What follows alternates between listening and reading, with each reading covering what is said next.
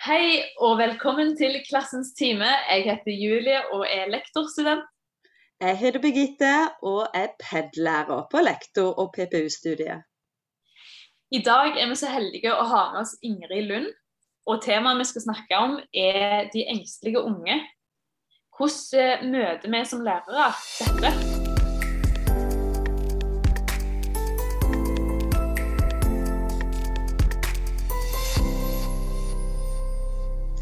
Hei Ingrid Lund, hjertelig velkommen til Klassens time. Vi er veldig glad for at du kunne prioritere å ta deg tid til å være sammen med oss. Veldig. Aller, aller først for eh, de lytterne eller de studentene som ikke har hatt det på UiA, kan ikke du fortelle litt om hvem du er og hva du gjør?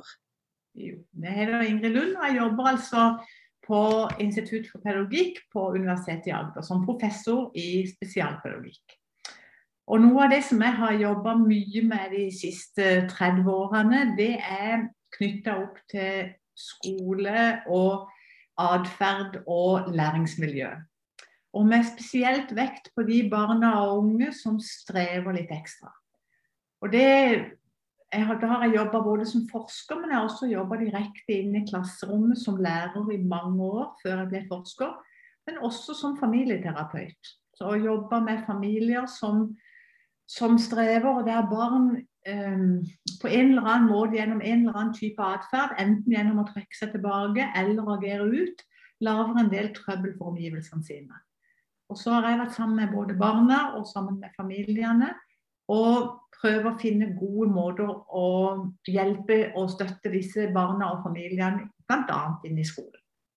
Så Det er det jeg jobber aller mest med. Og De siste ti årene har jeg jobba mest med mobbesaker, der vi også har eh, en overvekt av barn som strever med atferden sin på en eller annen måte. Det er jo egentlig noe av det jeg forbinder med det, nettopp det at du tar perspektiver. Mm. Barnets perspektiver, foreldreperspektiver også. Du har, jo skrevet mye både i avis og du skriver bøker, og du mm. er, du er med i det ene og det andre. Um, og det som også jeg syns er så flott, er at du har en måte å formidle på som gjør at du hjelper oss pedagoger da, til å reflektere hvordan kan vi bli bedre og møte disse barna på en god måte, framfor å komme med pekefingeren. Eh, og i dag så er tema engstelige barn og unge. Dette har vi fått eh, en mail på og spurt, blitt spurt om ikke vi kan snakke om det. Og da var det du veldig naturlig å invitere inn. Mm. Eh, du har jo forska på dette her med de stille jentene i klasserommet. Men det, det er jo mange som er engstelige. Ja. Det er jo ikke bare de. Eh, og det er det der hvordan kan, hvordan kan Julie som, eh, som lærerstudent, ikke sant, og, og også andre også hvordan kan vi forstå, og hvordan skal vi nærme oss engstelige barn og unge? Mm. Altså, for det første så må vi bare avklare litt sånn på begreper. For vi bruker jo sånne begreper som at hun har angst, hun er engstelig, hun er sjenert. Eh, hun trekker seg tilbake. Vi har masse sånne ord som vi bruker. Og det er klart at Angst er jo også en diagnose. Altså hvor det er noen kriterier som du får på en måte som du går til en psykolog, så, eller du går på en barne- og ungdomspsykiatrisk avdeling for foreldre eller skole er bekymra så får du en diagnose. Og Da er det mange faktorer som virker inn for å få den diagnosen. Og så har vi et, på en måte kan tenke et spekter, en linje, der du har at noen barn er litt i utgangspunktet litt mer sjenerte. De er litt mer forsiktige. De er litt mer sensitive. Som gjør at de um, på en måte tar inn verden på en litt mer følsom måte enn andre barn. Ja. Og, og, denne, og, og, Jeg har lyst til å begynne med det. Rett og slett fordi at barn er forskjellige. Og denne engsteligheten viser seg på ulikt vis. Og da er det viktig at um, respekten for at barns forskjellighet viser seg i ulik type atferd. Og Sjenerthet uh, er jo et sånt begrep som vi bruker. Ja, han er så sjenert. Han trekker seg litt tilbake. Og i forskningslitteraturen så ble jo shyness brukt som et sånn type begrep inn her i forhold til disse barna og ungdommene. Og i Norge, når vi oversetter det, så tenker vi ja, sjenanse, det er jo ikke farlig, og det er noe å være litt sjenert. Men eh, det, det, det det kommer an på, er jo hvor mye plass tar dette i et barn og en ungdoms liv. Og hvordan tar det plass? Tar det plass på en måte sånn at det hindrer vennskap, f.eks.? Tar det plass på en sånn måte at, at barn er mye redd? Sånn at det, det, det, når de andre barna kommer bort, eller når læring skal foregå, så, så trekker barnet seg automatisk unna. Og læring kan ikke skje. Og vennskap blir hindra. Da begynner vi å snakke om at det blir et problem. For det må da lov, være lov til å være sjenert, og at det er greit. Det må da være lov til at en blir litt mer redd enn andre noen ganger, uten at de voksne på en måte sier 'å, han har angst'. Det er også noe med å normalisere at det å være redd må være lov, uten at de skal putte merkelapper på. Jeg har lyst til å begynne med det, Birgitte. Mm. Rett og slett fordi at uh, vi har så lett for i et samfunn i fart et samfunn som på en måte aller helst vil ha barn og ungdom og en atferd også hos voksne, der vi er litt sånn kobla på og i fart og tar initiativ. Det er liksom det vi prissetter i, i, i sosiale settinger, også i skolen. I skolen så sier vi 'kom igjen, tre fram, snakk høyt, presenter'. Ikke sant? Kom frampå. Ja, og det vil vi, for vi vil øve oss på å tre ut i verden og at alle skal tre fram. Samtidig så er respekten og respekten for at noen er mer forsiktige enn andre. Noen blir fortere redd enn andre. Og noen syns det er mer syns det er bedre å sitte tilbaketrukket og lese stille en bok enn å løpe ut i full fart og kaste ball. Altså, det, jeg har lyst til å begynne litt med det før vi begynner å snakke om at det blir en vanske. For vi kan også utfordre oss sjøl, både som ø, skole, som lærere, som samfunn også, på å kunne tåle å vente litt. Tåle at ikke stemmen er så høy. Ja, og anerkjenne det. Så jeg hadde bare lyst til å begynne med det, Birgitte. Jeg vet ikke hvordan det høres ut for, for julen, Birgitte. Og Det tenker jeg er en viktig inngang og perspektiv å ha med seg, at vi er forskjellige og har respekt for det. Og jeg er veldig glad for at du nevner disse tingene. Og og, og, litt også Julie, du har jo noen, noen egentlig spørsmål rundt nettopp akkurat dette her. For hvor går grensa for hva en skal respektere eller godta, da? Eh, I forhold til Du, du snakka jo litt om det, Ingrid òg, i forhold til når det blir en hindring for vennskap eller noe annet. Men jeg tenkte på Julie, du hadde en sånn erfaring fra egen skolegang. Ja, jeg husker på ungdomsskolen så eh, skulle vi jo ha ulike fremføringer foran klassen. Mm. Eh, og da, der og da eh, så syns jo jeg at det var urettferdig at det var så mange jenter i klassen eksempel, som slapp å ha disse fremføringene. Mm. Og så var vi gjerne to-tre stykk mm. eh, som måtte ha fremføringene. Eh, og vi syntes jo ikke det var kjekt, vi heller. Men vi måtte. Mm. Mens eh, det var mange som slapp. Ja. Og der og da, eh, når jeg gikk på ungdomsskolen sjøl, så var det jo Syns jo jeg det var urettferdig. Eh, uten at jeg tenkte for mye på det heller.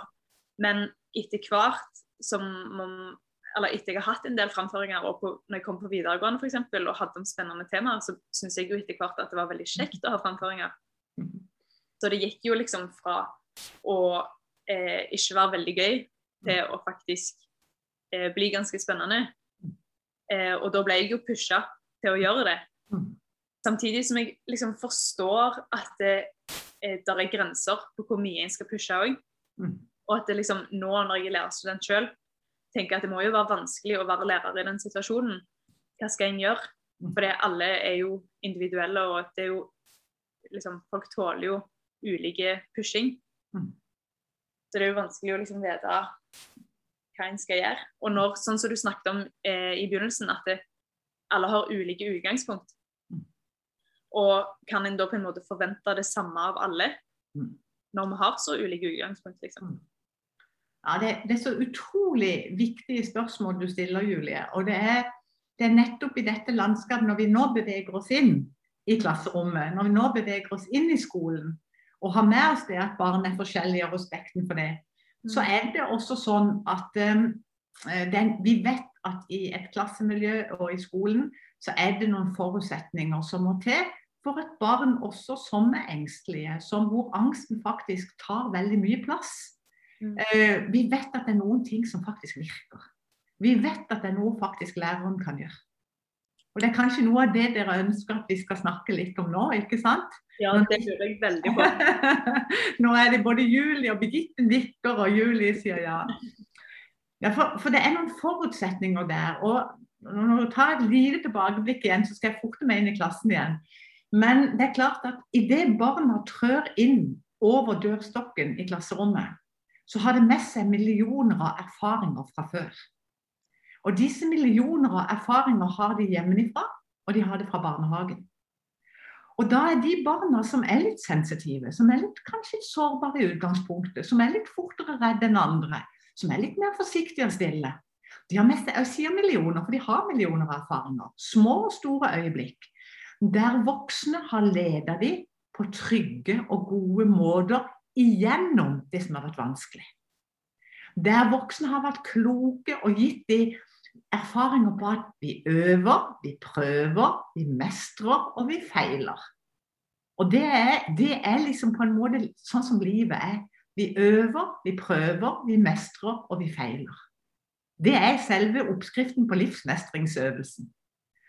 Og i den øvelsen der, når de kommer med disse millioner av erfaringer inn i første klasse på skolen som seksåringer, de ligger i ryggsekken på barna de er også de dere som lærere møter disse millioner av erfaringer hos barnet.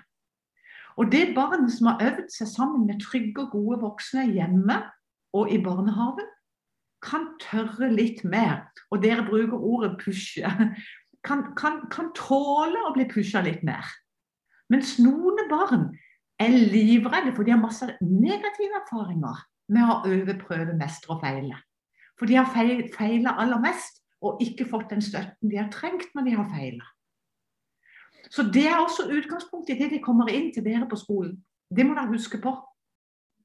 Og det, og det der kommer det aller første og viktigste rådet, hvis jeg skal tørre å gi noen råd, og det tør jeg, det er jo den samtalen du har, og den relasjonen du bygger til det barnet all forskningslitteratur uten sidestykke Det er mye vi forskere kan være uenige om. Men er det noe vi er enige om, så er det relasjonen som fundament for å øve, prøve, mestre og feile.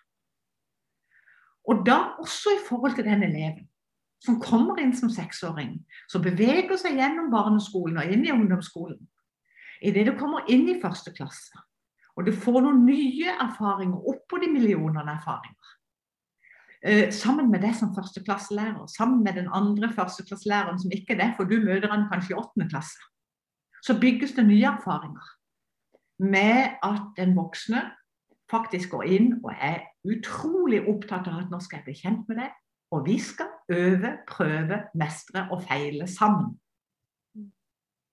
Og det betyr, idet du og meg du og meg som barn skal inn og øve, prøve, mestre og feile, så er også jeg jeg leder av et klassemiljø der vi lager gode, det vi kaller vi-fellesskap. Der det å øve, prøve, mestre og feile er en del av hele kulturen og miljøet i klassen. Det betyr at jeg som leder jeg, allerede idet jeg møter foreldrene, så sier jeg første skoledag i første klasse Hei, jeg heter Ingrid, og jeg skal være lærer for denne klassen. Det er noen ting vi er enige om at vi skal diskutere hvordan denne klassemiljøet skal være, men det er noen ting jeg bestemmer. Og en av de tingene jeg bestemmer i denne klassen, det er at det å le av noen som, eh, som feiler, det er ikke lov i denne klassen. Det stopper jeg, og det sier jeg nei til. Da kan dere foreldre mene akkurat hva dere vil, og det sier jeg med et smil, sånn som jeg gjør nå. For dette gjelder i den klassen der jeg er sjef. Og så vet jeg at dere er sjefer hjemme og bestemmer ting hjemme. Og det er også en andre ting. Vi snakker ikke stygt til hverandre i dette klasserommet. Sånn er det her. Jeg kommer til å stoppe det umiddelbart. Altså, jeg har noen ting, og da vil også den engstelige eleven Når vi intervjuer engstelige elever, så sier de det er trygt. Jeg skal fortelle hva en engstelig eh, femteklassing sa. I, vår, eh, I samfunnsfag har vi en lærer som er så grei. For hun blir dritforbanna når noen ler av noen sitt svar. Ja, fantastisk. Hørte dere det? Ja. Hun, hun, hun var en av de mest engstelige elevene jeg har møtt. Hun sa i samfunnsfagtimene har vi en lærer som er så grei, for hun blir dritforbanna når noen ler av noen sitt svar. Det er trygt. Og derfor blir ledelse som er varm og tydelig, en nøkkel inn i forhold til engstelige barn. Ser du eh, Jeg bare tenker litt sånn her forskjell på barnetrinn, ungdomsskole, videregående. Mm. Eh, For i barneskolen så forventer vi denne her varme, gode læreren, ikke sant? Eh, Ser du noe i forskninga di i forhold til forskjell på hvordan eh, i hvilken, hvilken grad en tar ansvar for akkurat det, da? Eh, skjer det noe etter hvert en kommer oppover i, i løpet, eller gjør en Altså, ikke? det, altså, jo, men det som er felles, eh, Birgitte, det som er felles, det er at tydelig og varm ledelse må prege klasserommene, enten du er i første klasse eller i i videregående tredje klasse. Men den store forskjellen er at vi skal også forvente mer av de andre barna jo eldre vi blir. Jeg vil ha store forventninger til en ungdomsskoleelev. Jeg vil ha superhøye forventninger. Jeg skal lære barna i første klasse på, i barneskolen. Så skal jeg lære dem noe om at um, vi, skal, vi skal begynne å forvente noe. De har allerede lært noe om hva de skal forvente. Men den forventningen skal øke. Men for meg som klasseleder av dette miljøet, så har jeg skyhøye forventninger til meg selv. Bl.a. i forhold til å fremme mestring hos alle elever. Og hvis noen ler eksempel av, jeg tar et eksempel fra en jeg ut av en vikar som med jevne og ujevne mellomrom. Altså, Når noen ler når noen snakker stille eller sier du må skru opp volumet, du må ikke snakke så stille for å høre hva du sier, så tar jeg en veldig alvorlig prat med vedkommende. Jeg sier stopp, vi har forskjellig stemme, og er bare utrolig glad for at hun leser. Sannsynligvis blir hun kjempelei seg og bare lukker igjen. Men jeg tar en alvorlig prat med den eleven etterpå, for sånn snakker vi ikke i det klasserommet jeg leder. Ferdig snakka. Jeg er streng, og jeg er enormt varm. Mm. og den kombinasjonen, det er den jeg øver meg på. Noen ganger klarer jeg det, andre ganger klarer jeg det ikke. Men de, de elevene som er ekstra engstelige, trenger dette uansett. Men forventningen til de andre elevene, måten jeg kan reflektere sammen med gruppa mi i videregående, ungdomsskolen, kontra en første klasse, den er annerledes. Og vi bygger vi fellesskapene. Det er noen ting jeg, jeg som leder f.eks. Vi skal øve oss på å, å øve, prøve, mestre og feile sammen med ulike typer elever. Så jeg bestemmer alltid hvem som skal være sammen. Eh, så det du sier nå, Ingrid, er sant, Spørsmålet jeg stilte, var liksom Vet en når en skal pushe noen, når en ikke? Men du snakker egentlig om det der fundamentet. Ja. Det læringsmiljøet som du bygger opp før du kommer til det punktet. Ja, riktig. Ja, du skaper et trygt og godt læringsmiljø før Absolutt. Ja. For det er hele fundamentet, Julie. Det er der vi må starte, og der og nå, nå sier jeg noe som for mange er så selvfølgelig, og derfor er det så vanskelig å snakke om dette, rett og slett. Mm. Det er at Vi snakker om samtalen med eleven. Vi snakker om klassemiljøet. Og så ser vi noen ganger at vi faktisk glemmer å ta en prat med den eleven som er litt engstelig. For vi tenker at hun vil ikke svare.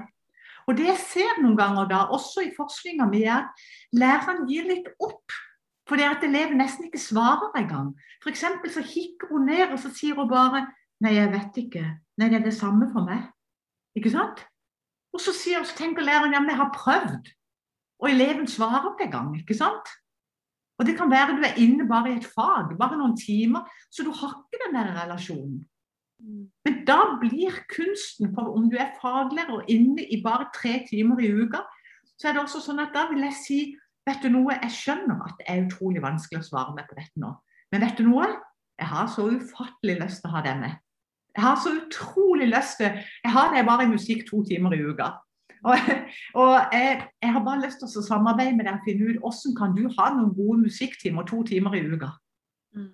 Den samtalen der, den koster ikke kommunen fem øre. Den tar to minutter, men den er avgjørende. Ja. Og den kan jeg også ta fordi om jeg bare er inne to timer i uka. Den tar jeg også med studenter, faktisk. Mm. Og den er uavhengig av om de går i første klasse, eller i videregående eller på universitetet. Jeg sier jeg trenger å samarbeide med deg for at de timene du og vi har sammen, skal bli så bra som mulig for deg. Jeg trenger å få deg på banen. For jeg tror det er viktig å øve seg på å tørre å komme fram. Så må du og meg finne ut av hvordan kan du komme fram på en god måte. For er det noe vi vet i forhold til angst og tilbaketrukkenhet, så er det at vi må øve. Og der kommer pushinga, som dere kaller det, inn. Mm. Og da blir det også at jeg har så lyst til å ha deg med. Pushinga blir på at jeg vil samarbeide med deg, og jeg vil vite hva du trenger fra meg for at du skal få en god time. Jeg har så sinnssykt lyst til at du skal ha gode timer sammen med meg. Så kan det være at jeg får et nedslått blikk, og det kan være jeg får noe som jeg vil oppleve som avvisning. Men vet du noe? Da får du tåle det. Rett og slett.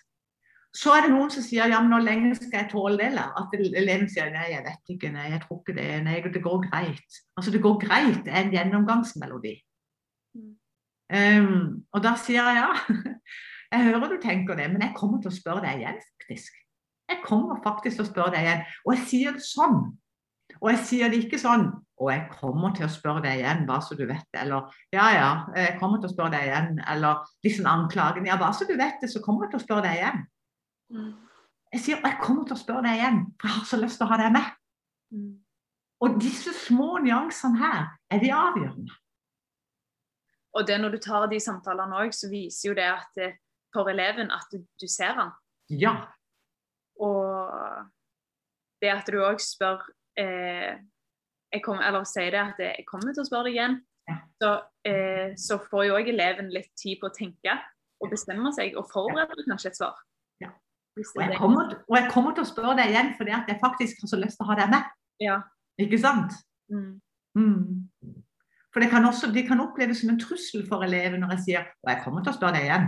Ja.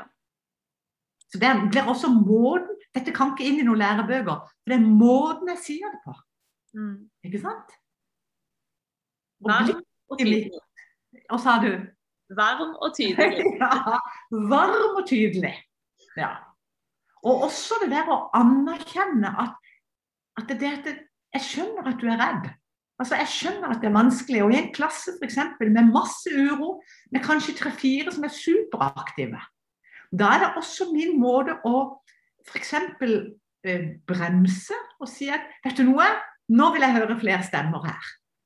Og så har jeg avtalt med Charlotte, som er litt stille, og som blir litt fort redd, at jeg har avtalt et spørsmål på forhold som hun skal svare på og som hun har øvd litt på, faktisk.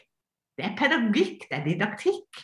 Det er, det er bevissthet fra lærerens side, der du, hun og meg har et hemmelig tegn eh, på at når vi kommer til det spørsmålet, eller vi kommer til det stykket i lesing som jeg har skrevet Cecilie på sida, så har hun et tegn hvor hun gjør f.eks.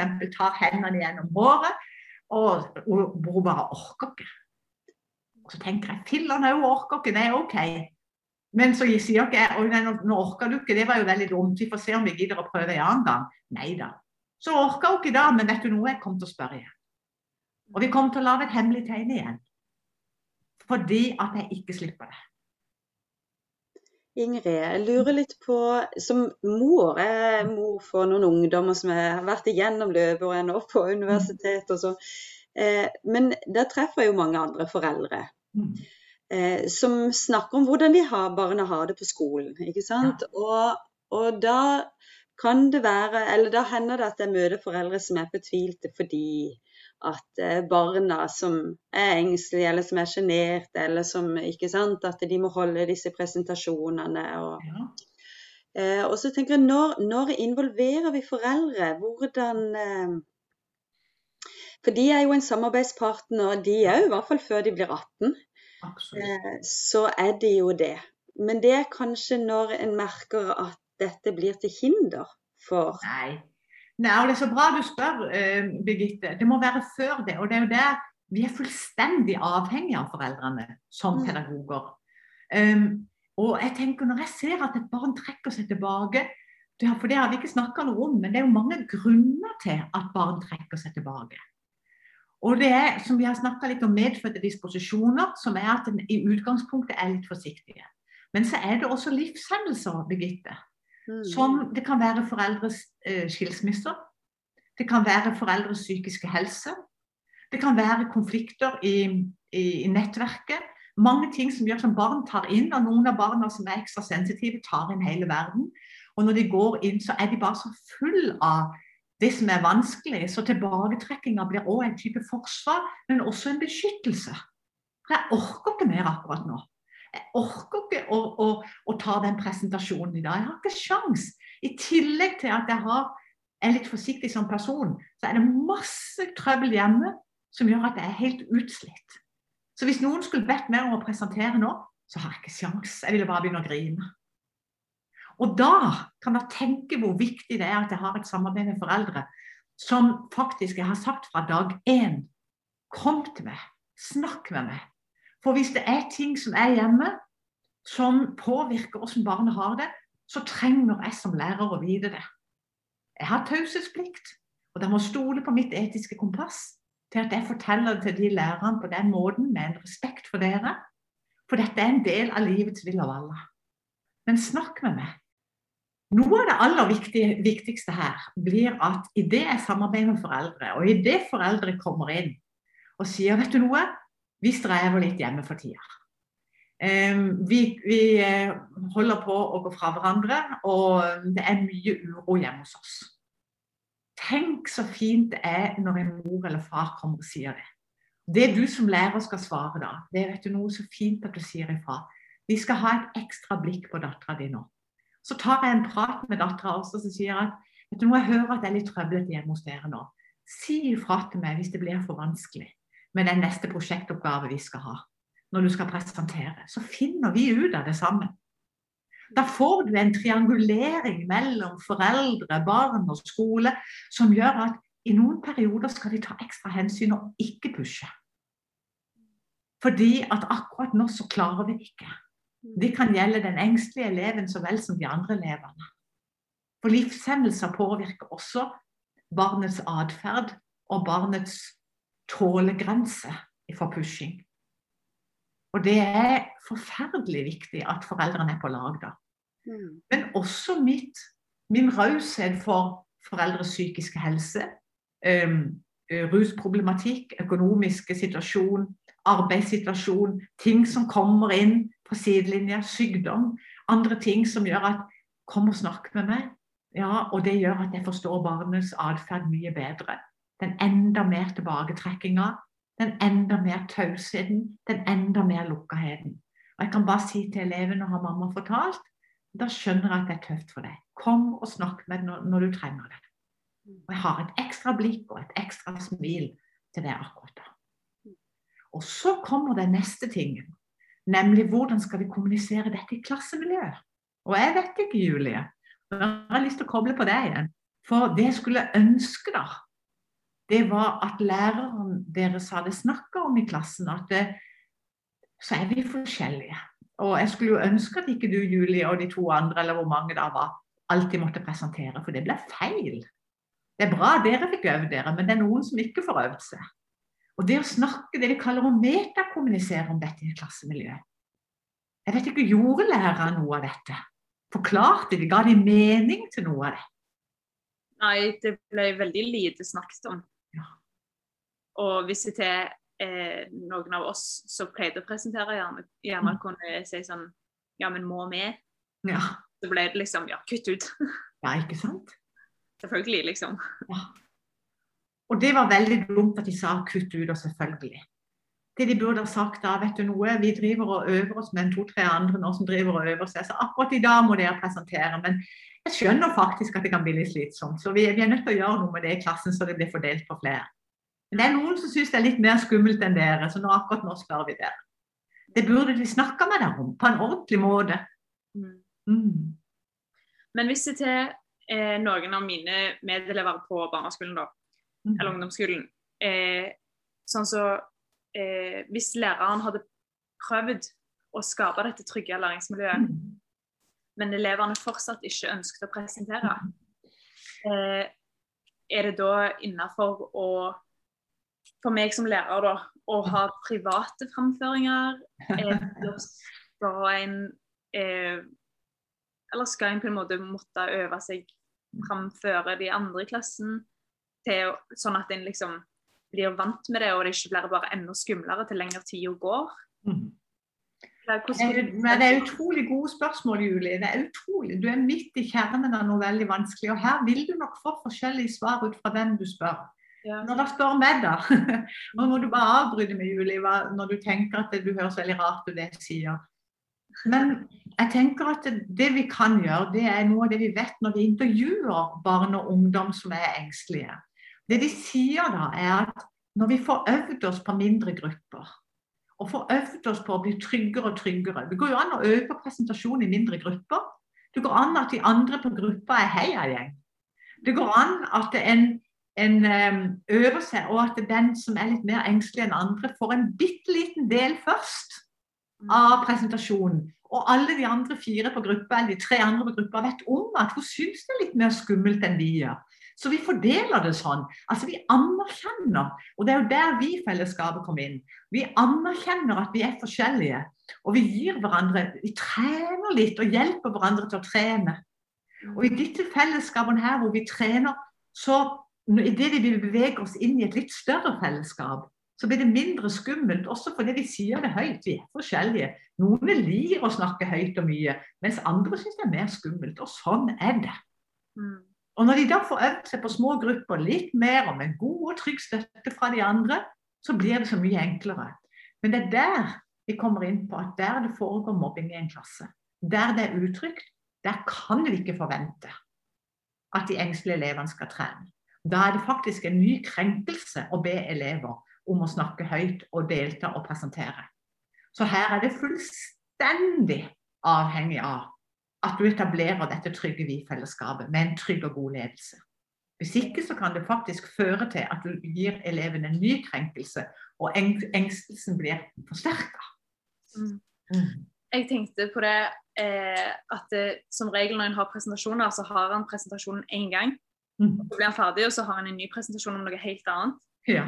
Hadde det vært en idé, hvis en hadde hatt tid til det, og på en måte hatt den samme presentasjonen kanskje tre ganger, der en først gjerne har for bare elev, bare læreren, og så for, for et par medelever, og så føler en seg såpass trygge på stoffet og måten en skal fremføre på, at en kanskje tør å gjøre det foran hele klassen. ja, og da gjør du de tre steg istedenfor to, som jeg sa. Altså at du begynner i gruppa, så brenner klassen. Og det jeg også gjør, en veldig god idé, Julia, og det som jeg også gjør noen ganger, det er jo at foreldrene er med på å øve hjemme.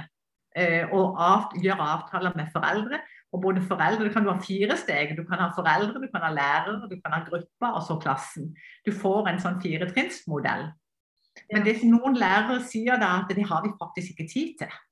Nei. Og det er, jo, det er jo også en prioritering. Men der opplever jeg også at det kommer litt an på ressurs, ressurser. Det kommer an på hvordan klassemiljøet er, hvor, hvor mye det er i denne klassen. Har du fire veldig engstelige elever, og så har du masse annet som krever noe ekstra av deg som lærer, så er som sagt foreldre utrolig gode å ha med på lag. Ja. Og det kan jo også være andre av skolens ressurser. Vi har assistenter. Det kommer an på hvordan det, det er tilrettelagt og hvilke ressurser vi har inne i klassen. Men medelever kan også trygge medelever. En medelev som de er kjempe, en venninne f.eks. Kan, kan bruke som treningspartner og læringspartner. Kjempegode ideer. Mm. Vi har fått veldig mange gode råd her, Ingrid. Og jeg er så glad når vi også kan få råd. At ikke det bare er sånn Ja. eh, at en kan få noen svar. Og så vet vi jo at dette det er jo ikke en enkel oppskrift på noe her. Men Nei. her handler det om relasjoner og Mm. vi i fellesskapet gjør det trygt. Eh, Mm. og bry seg. Vise Mm. at en bryr seg. Mm. Det er det. Em, jeg vet ikke om du har noe sånn til slutt nå at å, dette må jeg få sagt, eller det, dette er viktig. Vi har fått med oss mye, og det er et svært tema. Og det er mange, mange ting egentlig en kan løfte fram. Mm. Eh, men jeg tenkte jeg vil bare gi, gi det muligheten til slutt, om det var noe sånn En siste Altså det, det, er, det som jeg utfordrer lærere aller mest til, det er å bygge en klassekultur med raushet for forskjeller. Det er å bygge denne kulturen. Det, dette er barn og unges arbeidsmiljø, folkens. Det er læringsmiljø, så Vi bruker læringsmiljøbegrepet. Men det er her de er store deler av dagen. Og det å bygge et, et, et vi-fellesskap, at alle kjenner at de hører til, det betyr ikke idyll. Det betyr ikke fravær av konflikter og irritasjoner og alt det her. Det er tvert imot at vi anerkjenner at vi er forskjellige, og, og knufninger og alt oppstår. Men det er du som leder som har hovedansvar for å lede de prosessene, ta de på alvor. Og så er det også å øve seg på at ting er vondt. Øve seg på at det, så kommer vi gjennom dette, folkens. Akkurat nå så gjør det, er det utrolig vanskelig. Kanskje ikke til og med vi voksne vet helt hva vi skal gjøre. Noen ganger må vi be andre om hjelp som har mer kunnskap enn meg. Noen ganger trenger vi noen andre lærere innenfor. jeg vet søren ikke hva jeg skal gjøre nå. Det er greit. Men jeg har alltid som en sånn hovedregel at dette skal vi finne ut av sammen. For vi er sammen om dette, også det vanskelige. Også når følelser tar ville veier, eller vi lukker oss igjen og ikke vet hvordan jeg skal nå det, så vil jeg finne ut av det sammen med deg. Og det er en grunnleggende holdning som jeg ønsker at alle elever også skal ha. Så det vil jeg si til slutt. Jeg har lært utrolig mye av deg nå, Ingrid. Det sitter godt igjen det der. Vi øver, vi prøver, vi mestrer og vi feiler. Mm. Tusen hjertelig takk for at du ja. kom og ville være med i podkasten. Bare hyggelig.